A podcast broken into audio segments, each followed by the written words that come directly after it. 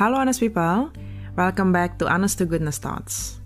Di episode kali ini, gue mau ngomongin soal self-concept. Kenapa gue tertarik untuk ngebahas soal hal ini? Karena gue ngerasa dengan memahami dan memiliki self-concept yang benar atau yang positif, hidup kita itu akan menjadi lebih baik dan powerful. At least itu yang gue rasain dan gue alamin. Hal ini tuh bisa mempengaruhi banyak aspek dalam kehidupan kalian, dari pembentukan karakter, cara bersosialisasi, kemampuan mencapai target dalam hidup, dan juga dealing with anxiety. Um, yang pertama nih gue mau ngejelasin dulu what is self-concept. Jadi self-concept itu adalah gambaran siapakah kita berdasarkan penglihatan kita sendiri. Gambaran-gambaran ini terbentuk dari kita kecil dan bisa terus terdevelop sampai kita dewasa melalui perjalanan kita mendiscover dan juga merefleksikan diri. Hal-hal yang mempengaruhi cara kita mempersepsikan diri kita sendiri misalnya adalah yang pertama adalah pendapat orang lain. Misalnya kalau ada yang ngasih pujian terhadap sesuatu yang kita lakuin, taruhlah kita masak sesuatu dan orang-orang bilang rasanya enak. Atau ketika kita nyanyi atau main musik, orang bilang suara kita bagus dan kita bertalenta. Pujian ini sangat berpengaruh, terutama yang kita dapat dari orang-orang random yang mungkin kita nggak kenal-kenal banget. Soalnya kalau yang muji itu keluarga atau pasangan atau mungkin teman-teman deket kita, pasti kan mereka tuh punya kecenderungan uh, untuk suportif ya. Jadi kita berpikir kalau ya mereka uh, muji kita karena ya mereka nggak mungkin lah ngasih feedback buruk gitu misalnya. Jadi ketika ada orang yang nggak kita kenal memberikan pujian ke kita, somehow it's more believable. nah, di sisi sebaliknya, kalau misalnya kita mendapatkan kritik-kritik yang nggak membangun atau kata-kata yang discouraging gitu dari keluarga atau dari siapa pun lah sebenarnya, uh, hal ini juga dapat mempengaruhi uh, cara berpikir kita soal kita melihat diri kita sendiri. Makanya bullying itu kan apalagi ketika dialami saat masih kecil itu sangat mempengaruhi mentalitas seseorang. Hal-hal seperti inilah yang bikin self-esteem seseorang jadi rendah. Gak cuman bullying pas kita masih kecil, tapi di era sekarang gitu kan orang juga gampang gitu membuli orang lain, apalagi misalnya melalui social media atau hal lain. Makanya kita harus benar-benar jadi orang yang sangat supportive dan kalau kita mau ngasih komen itu komen yang ke arah membangun karena tanpa kita sadari hal itu benar-benar bisa membuat seseorang merasa kehilangan kepercayaan diri mereka. Dan juga kan kita nggak mau diperlakukan seperti itu sama orang lain. Terus uh, yang kedua adalah self observations. Ini adalah ketika kita mengobservasi diri kita sendiri dan menyadari atau menemukan hal-hal yang kita sukai dan gak sukai. Misalnya nih, ada kan orang-orang yang gak suka berada di tengah keramaian. Tapi ada juga nih orang yang malah selalu seneng kalau ada banyak orang di sekitarnya. Atau ada juga yang suka traveling dan mencoba hal baru. Tapi ada juga orang yang malah lebih suka stay di rumah dan kurang suka gitu mencoba hal-hal yang gak biasa mereka lakukan. Dan hal-hal ini juga kita sadari ketika kita mengobservasi diri kita sendiri. Apa sih yang kita sukain?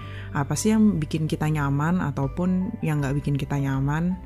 Dan ketika kita uh, sering-sering mengobservasi diri kita, kita juga semakin mengenal diri kita dan tahu mana yang baik buat kita. Semua orang itu kan punya karakter dan um, kesukaan atau kenyamanan yang berbeda-beda. Yang ketiga itu group associations. Misalnya nih yang gampang bisa aja soal dari mana kita berasal. Misalnya di Jakarta aja kan ada anak Jaksel, ada anak misalnya Bekasi gitu ada juga arek Surabaya gitu misalnya. Jadi uh, daerah dari mana kita berasal atau kita tinggal itu juga bisa menjadi bagian dari uh, eh, self concept diri kita sendiri gitu. Terus juga misalnya nih kalau kalian termasuk pencinta BTS, kalian menyebut diri kalian sebagai BTS Army gitu misalnya. Dan kalian merasa hal itu bagian besar dalam diri kalian. Atau misalnya sesimpel kalau kalian suka kucing, Terus kalian jadi melihat dan mempersepsikan diri kalian sebagai cat lover. Yang keempat itu assumed roles. Hal ini sih contohnya misalnya ketika kita memilih untuk menikah, berarti kan salah satu role kita adalah sebagai suami atau sebagai istri. Terus kalau kita misalnya juga memutuskan untuk punya anak, berarti role lainnya itu adalah sebagai ibu atau sebagai ayah. Nah, terus yang kelima, yang terakhir, social comparisons. Hal ini itu dipengaruhi oleh orang-orang di sekitar kita. Misalnya, cara berpakaian, makanan yang dimakan, gaya hidup, dan kultur-kultur orang-orang sekitar kita. Dan social comparisons ini juga dibagi menjadi dua, yaitu upward dan downward. Upward itu misalnya nih, ketika kita ngelihat orang-orang yang menurut kita hidupnya lebih baik dari kita. Misalnya lebih kaya, atau lebih good looking, atau lebih pinter. Hal ini tuh bisa memberikan dua efek. Either lo jadi termotivasi untuk bisa menjadi orang yang baik, atau meraih apa yang lo pengenin, atau lo malah ngejadi ngedown dan malah jadi nggak pede sama diri lo sendiri. Nah, kalau misalnya downward itu adalah ketika kita ngelihat orang-orang yang less fortunate atau orang-orang yang nggak bisa melakukan apa yang kita bisa lakukan. Efeknya, either lo bisa jadi orang yang lebih banyak bersyukur dengan apa yang lo punya, atau negatifnya lo malah jadi looking down to others. Nah, itulah hal-hal yang bisa menjadi aspek-aspek um, yang ngebikin terbentuknya self-concept dalam diri lo. Kalau menurut humanist psychologist Carl Rogers, self-concept itu terbagi menjadi tiga bagian. Yang pertama adalah self-image atau how you see yourself. This is the way you see yourself or often think about yourself. It's often called your inner mirror. Ketika kita mempunyai self-image yang positif, hal ini akan terpancar dari diri kita. Karena kita harus ingat, all improvement in your life begins with an improvement in your mental pictures. And your internal images mempengaruhi sikap lo, bahasa tubuh lo, and even the way the other responds to you.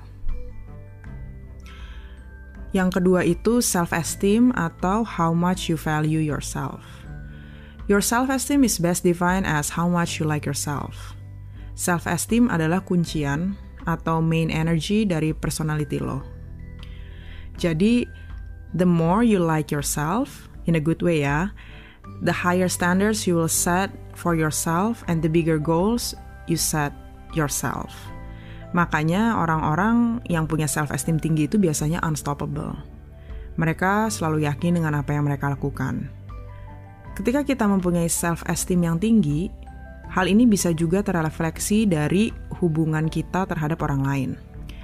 Jadi, the more you like and respect yourself, the more you like and respect others, and the better they feel toward you. Yang ketiga itu adalah self-ideal. Self-ideal itu terbentuk dari all of your hopes, dreams, visions, and ideals. Your self-ideal adalah sosok orang yang lo harapkan. And these ideals guide and shape your behavior. People who are very clear about their values, visions, and belief know who they are.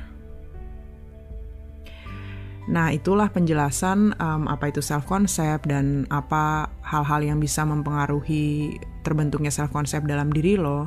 Dan bahkan juga ada tiga hal penting dalam self-concept. Nah, ketika seseorang tidak memiliki self-concept yang sehat, hal ini biasanya akan membuat orang menjadi Misalnya yang pertama nih, selalu membanding-bandingkan diri dengan orang lain. Atau yang kedua, selalu merasa cemburu atau iri terhadap orang lain. Yang ketiga, selalu konsisten menolak segala bentuk pujian yang diberikan. Sering kan kita ketemu orang yang menolak pujian. Sebenarnya sih bisa alasannya memang karena mereka uh, rendah diri atau merasa mereka nggak layak gitu menerima pujian karena mereka uh, ashamed sama diri mereka sendiri atau somehow gue ngerasa ini juga agak kayak kultur di Indonesia gitu kalau dipuji kudunya malah merendah padahal sebenarnya kalau kita dipuji itu kita harus berterima kasih dan um, terima hal itu sebagai feedback positif uh, untuk diri kita sendiri. Yang keempat itu misalnya juga terus-menerus mengkritik diri sendiri dan orang lain. Jadi selalu nggak merasa I'm not enough gitu. Atau kalau ngeliat orang lain itu selalu mencoba mencari kekurangan mereka, atau mencari kesalahan yang mereka lakukan gitu instead of melihat hal-hal yang baik dalam diri orang lain dan mencoba mensupport mereka akan hal-hal yang baik dalam diri mereka. Yang kelima nih misalnya suka banget melakukan negative self-talk seperti kayak menjelek-jelekan diri sendiri atau mendiscourage diri sendiri misalnya bilang ah gue gak akan mungkin bisa ngelakuin ini atau misalnya gue jelek banget atau gue gendut banget atau gue rasanya gak layak untuk hidup di dunia ini pokoknya segala-segala pemikiran-pemikiran negatif yang sering kita um, omongin ke diri kita sendiri gitu jadi kesannya malah membuli diri sendiri membuli orang lain udah nggak benar, membuli diri, diri sendiri pun sebenarnya hal yang sangat tidak benar, tapi kadang-kadang orang suka nggak menyadari hal itu. Terus juga yang keenam, terus menerus merasa bersalah tentang hal yang telah kamu lakukan atau akan kamu lakukan, maupun yang kamu rasa harusnya kamu lakukan. Jadi penuh dengan hidup tuh penuh dengan penyesalan atau kekhawatiran gitulah ya yang harus dilakukan itu adalah sebenarnya live in a moment. Jadi kita nggak perlu mengkhawatirkan apa yang udah terjadi atau apa yang belum terjadi, tapi konsentrasilah dengan hari ini. Yang ketujuh tuh misalnya juga um, biasanya orang-orang yang mempunyai self concept yang nggak baik atau yang negatif, mereka itu punya kesehatan emosional dan fisik yang buruk. Karena um, udah jadi kayak semacam pengetahuan umum ya. Banyak tuh sebenarnya orang-orang yang kena penyakit-penyakit yang berat kayak uh, cancer atau penyakit-penyakit kolesterol atau jantung atau segala macam itu bukan hanya karena mereka makan makanan yang kurang sehat atau kurang olahraga tapi karena mereka punya banyak uh, stres dalam pikiran mereka atau kesehatan mental mereka itu nggak sehat. Alhasil hal ini membuat mereka jadi uh, secara fisik sangat menurun dan bahkan terkena penyakit-penyakit yang mematikan. Yang kedelapan itu either merasa diri sangat buruk atau tidak penting atau merasa diri sangat sempurna dan paling penting dibanding orang lain. Makanya tadi kayak gue sebutin uh, self esteem yang tinggi itu baik tapi self esteem yang tinggi dan positif. Kalau self esteem yang tinggi dan negatif jatuhnya itu jadinya ke arah narsistik gitu. Dan kalau misalnya kita nggak punya self esteem sama sekali atau sangat rendah jatuhnya itu ke arah rendah diri ngerasa diri itu nggak layak gitu loh. Dan biasanya juga jadi orang yang nggak bisa bersosialisasi dengan orang lain karena terlalu malu gitu untuk bisa ngobrol sama orang lain merasa terlalu banyak pemikiran bahwa orang akan melihat mereka sangat buruk stuff like that lah. Jadi penting banget sih untuk punya self esteem yang tinggi dan positif. Yang kesembilan atau yang terakhir, sebenarnya contoh-contohnya itu masih banyak, cuman gue sebutin sembilan aja di sini, takutnya kalau um, lebih dari itu jadi panjang banget. So, oke, okay, yang terakhir adalah um, orang yang nggak mempunyai self concept yang positif itu biasanya mereka punya self esteem yang sangat rendah, seperti yang tadi gue udah bilang. Dan mereka itu cenderung menjadi attention seeker atau selalu mencari perhatian dan pengakuan dari orang lain akan dirinya. Kenapa? Karena mereka nggak ngerasa secure sama dirinya sendiri. Jadi mereka tuh butuh um, pengakuan dari orang lain atau justifikasi lah dari orang lain gitu kalau um, mereka itu adalah orang yang berharga gitu. Misalnya tindakannya itu misalnya ada orang yang mungkin berpakaian sangat seksi banget gitu ya dengan tujuan supaya orang notice dia, merhatiin dia gitu, ngelihat dia atau misalnya juga orang-orang yang uh, suka memention gitu loh achievement-achievement yang dia lakuin atau misalnya ngasih tahu hal-hal yang pernah mereka raih gitu padahal nggak ada yang nanya gitu. Karena mereka ingin supaya orang-orang tahu kalau mereka itu adalah orang-orang yang berharga. Padahal hal itu sebenarnya kan nggak penting. Karena orang tuh bisa menilai dan melihat kita sendiri dari cara kita bergaul, dari cara kita bersosialisasi, dari cara kita bersikap, dari cara-cara kita berpikir. Orang tuh bisa melihat diri kita yang sebenarnya itu seperti apa. Atau juga nih misalnya orang-orang yang biasanya nggak secure sama diri sendiri nih um, suka misalnya ngomong kayaknya dia suka deh sama gue, kayaknya cowok itu ngasih perhatian deh ke gue, kayaknya uh, orang ini uh, merhatiin gue terus deh. Jadi kayak apa ya mereka tuh membutuhkan perhatian-perhatian dari orang dan bahkan butuh untuk memberitahukan itu kepada orang lain supaya orang menotis bahwa dia itu uh, diperhatiin sama orang. Ngerti gak sih circle-nya? Dan semua itu sebenarnya dilakukan karena mereka tidak secure dengan diri mereka sendiri. Karena mereka nggak punya self-esteem yang tinggi dalam diri mereka. Jadi mereka membutuhkan asupan itu gitu untuk meyakinkan diri dia, gue berharga kok, uh, gue itu banyak yang merhatiin kok. Padahal dengan bersikap seperti itu, biasanya orang-orang kayak gini tuh membuat orang-orang sekitarnya jadi gak nyaman atau jadi kayak ngerasa nih orang kenapa sih kayak narsis banget gitu. Dan buat mereka sendiri pun gak baik gitu karena hal ini juga bisa mengganggu kesehatan mental, jatuh ke narsistik, jatuh ke jalan yang salah untuk uh, overcoming insecurities. Nah, coba deh sekarang jujur sama diri kalian sendiri. Dari sembilan contoh tadi yang gue sebutin, ada nggak yang sounds familiar? Kalau cuma satu atau dua masih wajar. Tapi kalau udah lebih dari dua, mungkin sekarang waktunya merefleksikan diri. Karena memiliki self-concept yang sehat dan positif itu sangat membantu kita dalam segala macam aspek kehidupan. Misalnya nih yang pertama, kita jadi bisa memaksimalkan potensi diri. Apabila kita memiliki self-concept yang sehat, kita tuh jadi percaya kalau kita bisa melakukan segala hal yang kita yakini. Kita juga jadi bisa membuka potensi diri kita ke hal-hal yang bahkan kita nggak pernah pikirkan gitu loh sebelumnya. Um, misalnya nih, um, lo kepengen belajar gitar, tapi lo nggak pernah punya pengalaman main gitar, atau misalnya lo juga nggak pernah ada pengalaman musik sama sekali gitu cuma lo punya ketertarikan yang sangat besar untuk belajar gitar kalau punya self concept yang sehat gitu yang positif ada um, keyakinan di dalam diri kalian kalau kalian pasti bisa gitu mempelajarinya. Dan dengan mempunyai keyakinan seperti ini kalian jadi driven jadi punya target gitu jadi lebih bersemangat gitu untuk uh, belajar gitar. Sedangkan kalau misalnya orang nggak punya self concept yang positif dan sehat gitu, mereka udah kayak ya udah kayak kalah duluan gitu. Ah nggak mungkin lah gue bisa belajar gitar orang gue nggak punya pengalaman musik sama sekali, gue nggak ngerti chord, gue nggak bisa baca not dan lain-lain. Jadi udah terlalu banyak excuse gitu di dalam otak dia gitu. Jadi dua orang yang sama-sama nggak pernah belajar gitar ini bisa yang satu dalam satu tahun bisa uh, main gitar dengan sangat baik, yang satunya lagi nggak ke mana-mana. Padahal mereka basicnya sama, sama-sama mungkin nggak punya pengalaman soal musik gitu. Nah inilah gitu yang sangat membedakan sekali gitu ketika kita punya self concept yang positif dan sehat dalam hidup kita. Terus juga gue pernah ada yang pernah ngomong sama gue gini, strength doesn't come from what you can do. It comes from overcoming the things you once thought you could not. Jadi sebenarnya sih ini juga menurut gue salah satu quote atau salah satu nasihat yang positif banget ya. Jadi um, gue selalu yakin kalau gue bisa mengovercome apa pun dalam dunia ini. Dan gue juga percaya gitu, nggak ada satupun hal di dunia ini yang nggak bisa kita pelajarin.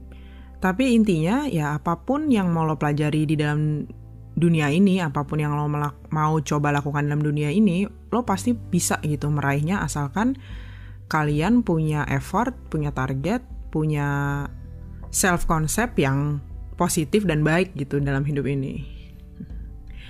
Nah, kalau yang kedua itu um, self concept ini juga dapat membantu kita mencapai goal atau keinginan kita dalam hidup.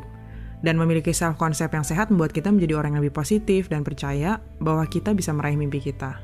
Sebaliknya, jika self concept kita nggak sehat, Hal ini bisa ngebikin kita gak yakin sama diri kita sendiri dan jadi cenderung rendah diri dan depresif.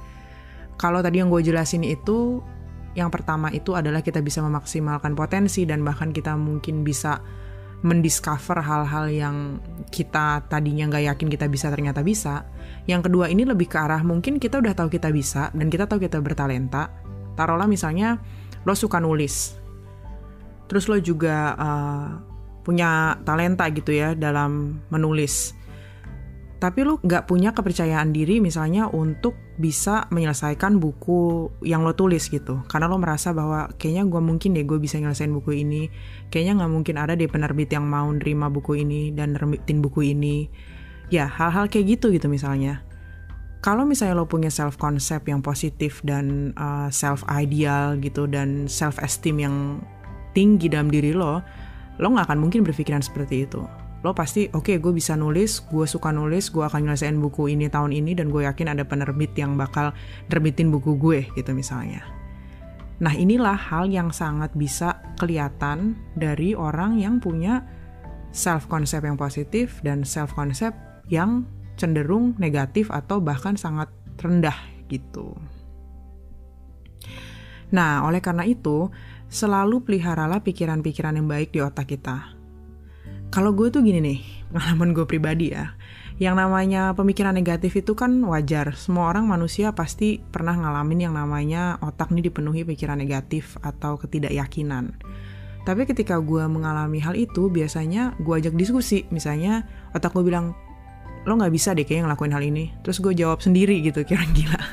jawab sendiri dalam otak gue, enggak kok gue bisa ngelakuin hal ini. Gak mungkin lah lo bisa, bisa kok karena gue gini gini gini ini gue argumen terus gitu gue kasih argumen terus pikiran-pikiran negatif di dalam otak gue. Sampai akhirnya pikiran negatif itu diem. Yang penuh di otak gue itu pikiran positif bahwa gue bisa melakukan hal ini gitu. Nah itu sih um, pengalaman gue sendiri ya gue share gitu. Terus juga misalnya um, gue tuh selalu mencoba untuk live in the moment alias sadar yang udah terjadi itu nggak akan bisa dirubah. Dan yang belum terjadi itu nggak perlu diresahkan yang utama itu adalah hari ini, di mana gue harus menjadi orang yang sehat, positif, damai, dan berguna buat orang lain. Jadi, um, gue gak mau melakukan tindakan sia-sia.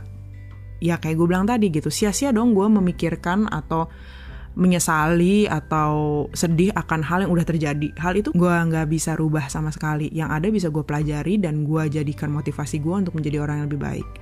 Sedangkan kalau gue misalnya merasakan hal-hal yang belum terjadi nih misalnya, untuk apa? Hari ini gue yang bisa gue nikmatin, bisa gue coba untuk jadikan hari yang baik, yang bahagia, yang damai, malah jadi penuh dengan anxiety gitu atau fear, gara-gara memikirkan hal yang belum terjadi. Jadi hal itu tuh sebenarnya sangat sia-sia gitu. Janganlah kita melakukan hal-hal yang sia-sia dalam hidup. nah, mungkin ada orang nih yang ngomong ya tapi masa lo nggak pernah mikirin masa depan sih Fai? Lo nggak bisa nggak memikirkan kehidupan lo nanti ke depannya gimana? Lo cuma mikirin uh, hari ini doang. Nah ini gitu bedanya. Gua tuh selalu punya target punya visi punya pemikiran ke depan apa yang gua mau dalam hidup. Misalnya target tahun ini gue mau ngapain? Atau mungkin tahun depan gue udah memikirkan hal-hal yang ingin gue capai? Atau mungkin 10 tahun lagi gue melihat diri gue itu akan menjadi orang yang seperti apa gitu misalnya. Dan hal-hal ini itu adalah um, gue jadikan visi gitu dalam hidup gue. Tapi tidak menjadi obsesi. Nah inilah bedanya visi dan obsesi. Kalau visi itu lebih ke arah menjadi motivasi buat gue untuk terus berjalan untuk melakukan yang terbaik untuk mencapai mimpi-mimpi gue tapi ketika mungkin dalam perjalanannya ada mungkin masalah atau namanya juga manusia kan, kondisi di dunia ini kan nggak bisa kita predik gitu. Gue akan terus uh, mencoba untuk positif dan gue yakin uh, eh, gue tetap berjalan di path gitu yang benar. Sedangkan kalau menjadi obsesi nih, ketika misalnya um, plannya nggak berjalan dengan yang diinginkan atau misalnya ada hal-hal yang masalah yang dihadapin, yang ada menjadi stres malah jadi um, merasa gagal atau merasa uh, segala sesuatunya udah hancur dan lain-lain gitu. Nah, ini sih bedanya gitu. Gue mau ngejalanin hidup gue itu bener-bener dengan sebaik-baiknya, dengan sepositif-positifnya, sesehat-sehatnya gitu. Karena Iya kita nggak pernah tahu kapan kita harus meninggalkan dunia ini kan. Emang sih kesannya kayak gloomy banget, tapi kalaupun misalnya suatu saat gue harus meninggalkan dunia ini, gue tahu gue telah melakukan yang terbaik yang bisa gue lakukan dan gue telah mencoba untuk menikmati hidup ini dengan sebaik-baiknya dan sepositif-positifnya. Oke, okay, honest people, thank you so much for listening to my podcast. And remember, accept no one's definition of your life and define it yourself. So, have a great day, and I'll see you in the next episode.